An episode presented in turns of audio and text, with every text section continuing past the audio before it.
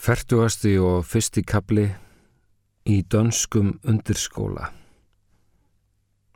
1940 Við vorum innleiksa í Danmarku fram á haust og reyndar lengur. Skipaferði til Íslands voru fátíðar og auk þess talsvert hættuspil.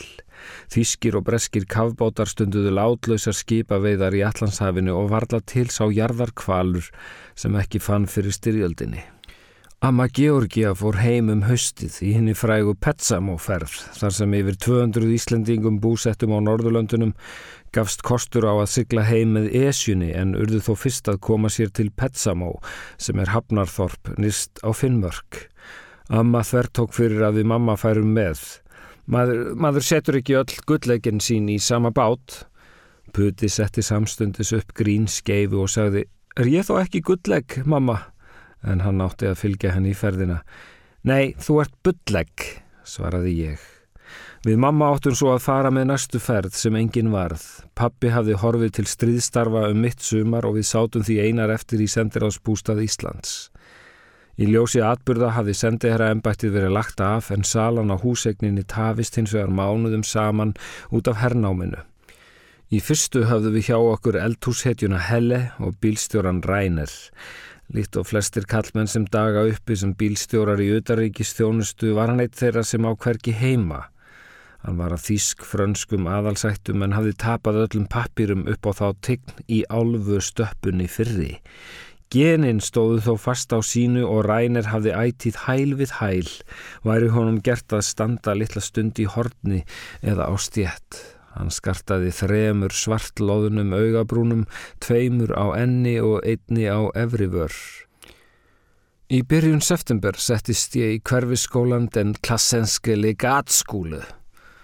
Fyrsti dagurinn fór ekki vel því ég kom slagsmáluð heim. Krakkarnir höfðu umkringt mig á lóðinni og galað á mig klippfisk, klippfisk. Saltfiskur, saltfiskur. Dæin eftir hófst kennslan. Kennarin var feitlægin herramaður með kvella rödd. Og svo er hér nýr nefandi frá Íslandi, frökkum Björnsson. Gætu þér eftir vil frætt okkur eitthvað um Ísland? Er það rétt sem sagt er að þar vaksi ekki tre? E, nei, en þau eru mjög lítil. Það er sagt að ef maður villist í íslenskum skógi, eigum maður bara standa upp. Bekkurinn hló hart til að sína að hann hlóað mér en ekki skrittlunni. En það er líka sagt að viljum að skoða dönsku fjöllin verði maður að beigja sig niður. Fyrir þessa viðbót var ég barinn út í porti og kom heim með rifið eira. Ég harð neytaði að fara aftur daginn eftir og satt heima í vikulöngu skólaverkfalli uns mamma fann fyrir mig lítinn hugulegan skóla upp við Rosenborgargarð sem hétt því lokkandi nafni Silfurgötu skólinn. Rænir ók mér á hverju modni upp á Sölvgæðu en hún er ekki langt frá Östurvolgæðu þar sem Jón okkar Sigursson stóð áður Íslandsvaktina í sínum spíslaga hússtafni en ég held því jafnan fram að í skipslegu lögun íbúðarinnar hafi hjálpað honum í þeim olgu sjó sem sjálfstæðisbaróttan var. Stafnin var svo sterk byggður að Jón þurfti ekki einu sinni í fötin og er eina sjálfstæðis hetja heimsins sem tókst að frelsa landsitt á náttslopp. Einelti gegn íslenskum börnum í dönskum skólum virtist hins vegar hafa verið samþygt í Folketinget sem hluti af þarlendum fræðslu lögum því ég fekk nákvæmlega sömu meðferð í þessum undeskúle og hinum. Hennes bestemor er dansk, síða hún men hennes vestemor er íslensk. Kennarin var hávaksinn þunn ljósarður Jens með sterkeglerugu og kynnti mig svo óhandulega fyrir bekknum að úrvarð mikil hláturgusa og uppnefnið Hebron kvísaðist um kennslustofuna. Hebron hóteli við Helgolandskaði var þá allræmt vændishús og þetta þótti krakkonum ólega fyndið. Hello Hebron! Þannig hófust tímatnir en vestar voru þó frímínúturnar þegar mér var hrind áfram um helluportið eins og pestargeit. Ég reyndi verkfall á ný en mamma trúði ekki öðru en ástandi myndi lagast og rak mig út í bíl á mótnana en það versnaði bara. Stundum var ég hreinlega að flýja skólan. Þá kom sér vel að hafa úr þremur stórum görðum að velja og fjölbreyttar gerðir af trjám til að fela sig bakvið. En þarna eru þeir Rosenborgargarður, Bótaníski garður og Östri Anlegg sem Puti kallaði alltaf Istri Handlegg. Þá var ekki slemt að á næsta horni stóð Statens Museum for Kunst en þángað tókst mér stundum að flýja og hlaupa síðan af mér krakkana í öllum þeim miklu rángölum. Allar götur síðan hef ég verið fljóti gegnum söpn enda snareigð með afbreyðum en höstið 1940 var ríkislistasapn Dana auðvitað í þýskri umsjá. Þar var ekki að finna neitt kúbisma, fávisma eða ekspressionisma aðeins nazisma. Stæltir menn með spjót og þægar konur að gefa brjóst. Það er undarlegt hver öfgamenn eru jafnan settlegir þegar kemur að listum. Nasistarnir sendu heila þjóði gasklefana en þóldu ekki limlestingar á strega. En þessu er líka öfugt farið. Þið settlegast að fólk hrifst af afskræmingu og ofbeldi í listum. Ekki veit ég penari mann en hann Ólaf Helgason minn. Samt gekk hann hart fram við pungið á sínum tíma, satt heilu missurinn í herberginu sínu og hlíti á skemdarverk fyrir gítar á hæsta styrk og litlu mísnar með honum sem ég uppnemdi anarkísutnar, svona líka settlegar með nefnælutnar sínar á ripnum sokkaböksum sem lætust fram og skutu ökslað eira um leiðar spurðu um klósett. Ég held að þeir hafi flestar endað á þingi fyrir framsókn. Lífið leitar alltaf að balans. Á Statens museum kom ég eftir stríð og þá voru Matisse og Kó auðvitað komnir aftur upp á vegg og man ég best málverkið síðasta kvöldmáltíðin eftir Emil Nolde, stórkarlaleg og litrík tjáning á þjáningu Krists í félagi Svikulla manna Ég fekk aldrei vanist þeirri hugsun að þarna hefði listamæðurinn séð inn í framtíðina en verkið er frá 1909 og málað sjálfan sig í vondum félagskap en Emil gekk snemma til liðs við nazista. Hins vegar var hann auðvitað allt of stór listamæður til að rúmast í þeim armaflokki, verk hans voru of crazy eins og Bob minn hefði sagt. Allt of mikli litbjarmar fyrir augu sem nokkrum árum síðar sprengdu Evrópu í loft upp. Færtuasti og annar kapli Hæðir annara 1940 Börn eru grimmar skefnur Þefskinnið ómennst og innsæið beitt. Þau sáu undir eins að hér var komin telpa sem auk þess að vera íslensk var jáfnvel ímislegt verra.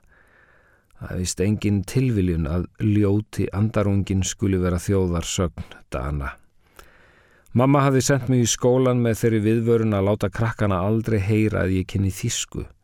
En sjálf gerði hún þau mistök að senda mig með seitt íslenskt rúbröð í skólan sem ömmu Georgiu fann svo gott og hafði kent helli að baka og setja á það heimann sendt selkjött sem við höfðum haft með okkur frá Lýbekk. Að auki hafði hún skorið brauðið á þvervegin en ekki langvegin eins og Danir hafa gert um aldir samkvæmt konungs tilskipun frá árinu 1112. Hvað borðað þú? Selskitsbröð? Og skerða þvert? Eru allir skáiður á Grænlandi nema þú? Næn. Og þar með voru örlög minn ráðinn. Þískur ægi var á fullornu fólki öll hernámsárin í Danmörku, enginn vogaði sér að gaggrina þjóðveri eða þískumælandi Dani. Hinn svo kallaða frelsis barátt að Dana tók ekki við sér fyrir nátt fríðardægin þegar allir vildu hetjur verið hafa. Öðru máli gengdi um börnin, þar sem kvíslað var um á heimilum fóru börnin með í portum. Já, í portum, sundum, allegjum og undirgöngum, skóla og trjágöngum. Í raun var ansbyrnurheimingin danska aðeins til meðal barna. Danska orðið helveðu er allt of mjúkt til að lýsa því sem ég þurfti nú að þóla í skólanum við Silfurgötu.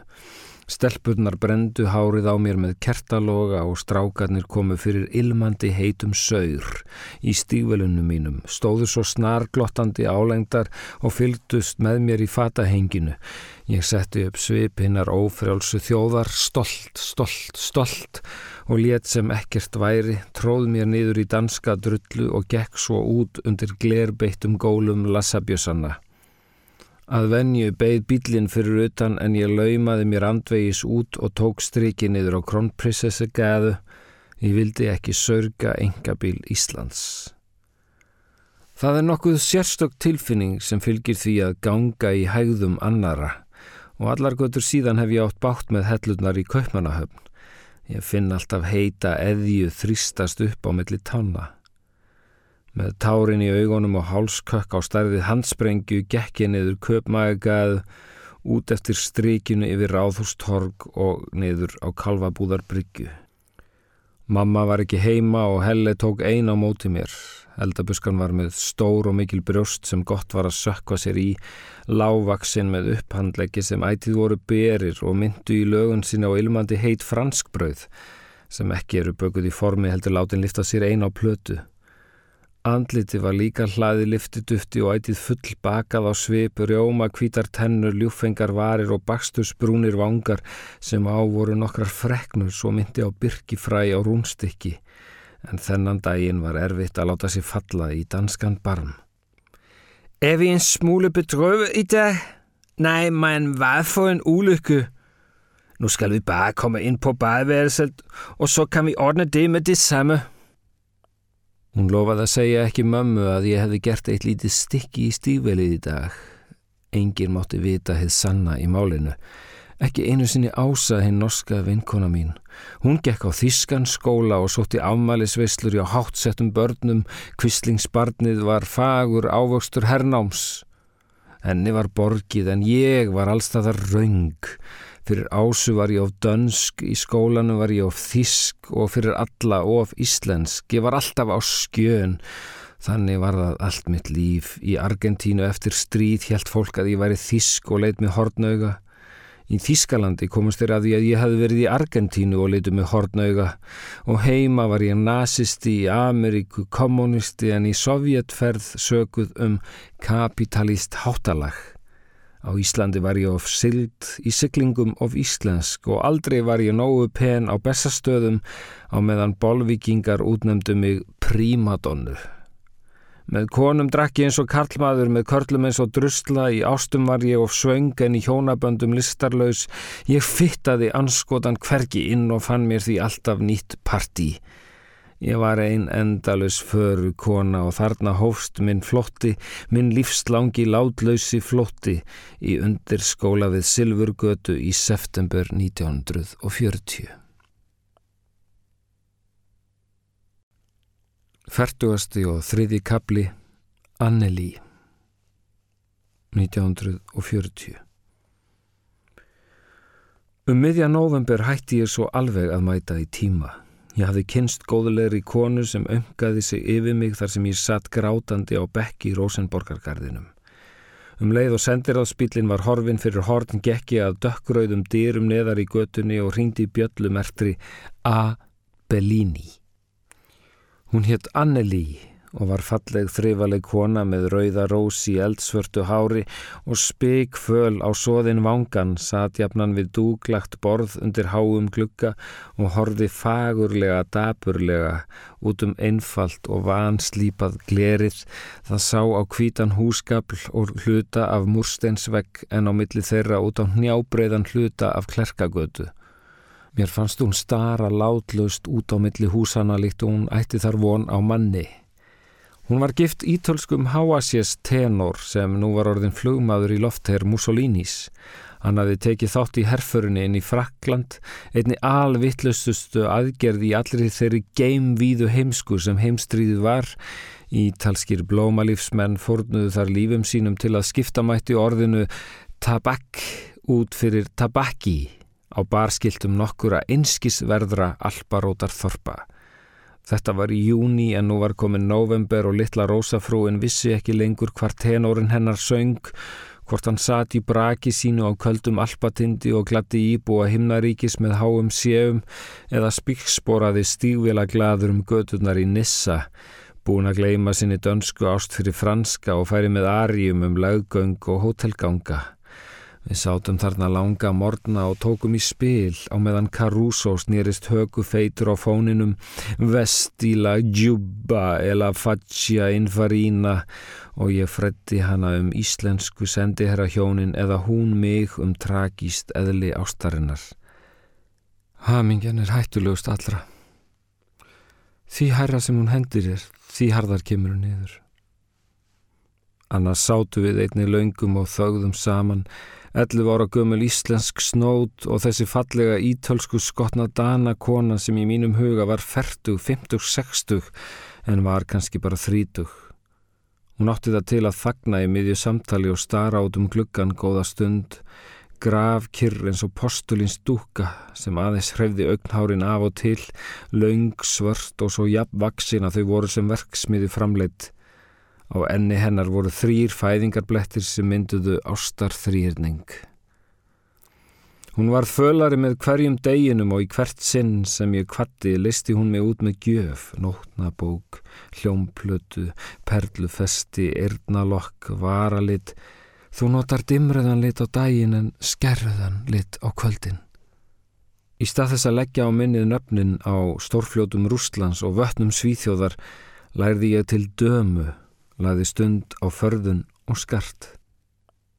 Hefur þið ekki eitthvað tíma langa til að heita eitthvað annað? Jú, hvað? Dana? Dana, sagði hún og tegði vel úr sérhljóðunum. Það er fallegt nafn. Ég skammast mín fyrir að segja frá því en Gunnagamla í Gunnubúð sagði okkur stundum sögur af Danadrottningu, Margreti Fyrstu sem ríkti 1375 til 1412 og stopnaði Kalmarsambandið. Ég held hins vegar að sögu hétt en hétti Danadrottning sem ég þótti fallegt nafn og upp frá því vildi ég heita Dana þótt ég væri ekki lengur jafnvis og áður verandi nú fangi í búðum Dana. Þú skalt vera Dana þegar þú þart. Við konur þurfum á öllu skjóli að halda. Sjálf var hún fætt Gunnborg Jensen, dóttir einstæðrar móður sem kom hjólandi yfir sjáland frá Kalundborg til Köge til starfa þar í sútunarversmiðu. Verkstjórin barnaði hana í öllarbala eftir vinnu og vildi síðan ekkert af barninu vita fyrir en stúlkan var orðin hjólandi fögur bæjarmær að hann stöðvaði hana á götu og segðist eiga hana. Þetta gerðist ítrekað, rauðkinnaður Ístrubelgur stöðvaði hann á götu og saðist eiga hana. Reyndi svo loks að barna hana í ullarbala eftir vinnu, en dóttir flúði örlög móður og Gunnborg frá Köge varð Anneli í Köpenhán. Þar kynntist hún réttum og slettum per sem elskaði hana of mikið En í syklingu til Borgundarholms kastaði stúlkan sér útbyrðis úr ástargóðu lífi í faðmin á ítölskum Emilio sem hafði sungið Arju út á dekki í norrænu kvöldsólskinni við margfaldar Jésúsanir kvenna og giftist honum daginn sem Per varð fyrir voðaskoti í fjónskum skói. Nú satt hún og syrði báða í lofthári þagnaríbúðsinni við Silfurgötu 6, orðin korsfeit á vangan og laun búttuðu neðra rætti raukfræði hjartans við snögt vana snót að vestan. Þú skalt aldrei láta hjarta ráða för og heldur aldrei hugan. Fáðu já frá báðum. Þetta var auðvitað kennslugagn sem jafnaðist á við 13 ára setu í danskum undirskóla og hefði ég betur farið eftir þessu litla hilræði hennar önnu líu minnar en ég glemdi því auðvitað um leið og hurð var að stöfum og myndi ekki aftur fyrir nú einu lífi og hundrað mönnum síðar. Fertugasti og fjörði kapli Kviðfræði 1940 Kanski kom þar inn í að á neðstu hæðinni bjó skrautlegt skvís sem seldi sig þýskum hermönum. Ég mætti þeim stundum í stíganum, spertum á uppleið eða slökum á niðurleið. Anneli sagði mér allt um þetta náttfata starf sem barnið ég átti auðvitað vondmönd að botna í en þótti þeim mun meira spennandi. Og þar kom að ég sá henni bregða fyrir í gætt sinni, brjóstþung, breyðleit og ljósærd kona sem á öðrum tímum hefði afgreitt glöð í bakaríi, hinn algenga millifríða Norðurlandaljóska, en stóðu nú hér tálega máluð að morni dags á laxableikum silkislopp sem barðist við að hilja starfsvettvang hennar, tá ber í opnum háhælaskóm og vek fimmlega úr gættinni fyrir njeháum þýskum leðurstígvilum með útsölu rauðu brosi. En þrátt fyrir að augun væri stór og útkverflikt og í skóaruglu, var sem helað væri fyrir þau augnaráðið var jafn dött og í sveipu hlýðinu sirkustýri. Svo var það einn dag að bekkjarbræður mínir komu auga á mig á stjettinni og ég mátti hlaupa hratta dýrunum á nummer 6 að mér varð á að íta á ranga bjöllu. Ég raug upp rakvaðan stiganum leið og hörðin lögst upp og á fyrsta stigapalli byðu mín opnar dýr. Ó, góðan daginn litla vina. Röttin var vel reykt, dimm og örlítið drafandi. Ég sé það nú í ævilangri fjarlagð að sjálfsagt hefur hún verið snöfsuð. Ég, ég, ég, ég, er bara að fara upp. Já, byrð þú hér? Já, uh, eða nei, ég er bara... Heilin var alfarið stiltur á augun, ég sög í mig sérkverja fellingu á glansfárum sloppi og gróf húðuðum hálsi og heyrði korkin ég fekk því stjórnað hvað röttin sagði. Konan bar smáglitrandi gullnisti um þykkan öklan og í hæla skónum voru tánæglunar hárauðar. Hárið, eldljóst, strókslegur ljónsmakki, hárkolla sjálfsagt. Undir henni sátu stór og útstæð en doða mött augun í skugga sem bættur var með augskugga. Fyrir vikið varð hún enn mystiskari, mér fannst ég standa anspænis álf meri. Já, þetta var nú orðið sem kom upp í hugan, álfmeðri. Sjálfsagt hefur hún grillt í gegnum staupaþókuna hversu óstyrk ég var, föl og másandi. Þekkir þú eitthvað hérna í húsinu? E, nei, í íbúðinni glumdi bjallan og að neðan mátti greina strákasköll og aðti út í hurð. Viltu koma einn fyrir? E, já, já. Það var dimt í íbúðinni allar dyrvistust luktar og engir glukkar í auksin í laungum gangi logaði á döfum vegglömpum, blómgullt ljósið vakti grænt með dökku fóðri. Ég fetaði mig inn fyrir fram með konunni, það var líkt að feta sig um fjálslíð. Brjósta björgin vofðu yfir og lyktar þokan fylti vit með blöndu af dýru þísku ilmvatni, dönskum svita og þvældum verum, kannski var það líka votur af rakspýra. Mægin var ögn framstæður og augum mín fylgdu mittislindanum líkt og fjárgötu um þessa miklu hlýð. Síðan lokaði hún dyrunum og gekk á undan mér inn gangin svo glumdi í golfjölum, mystísk eins og álfkona en þung sem meri.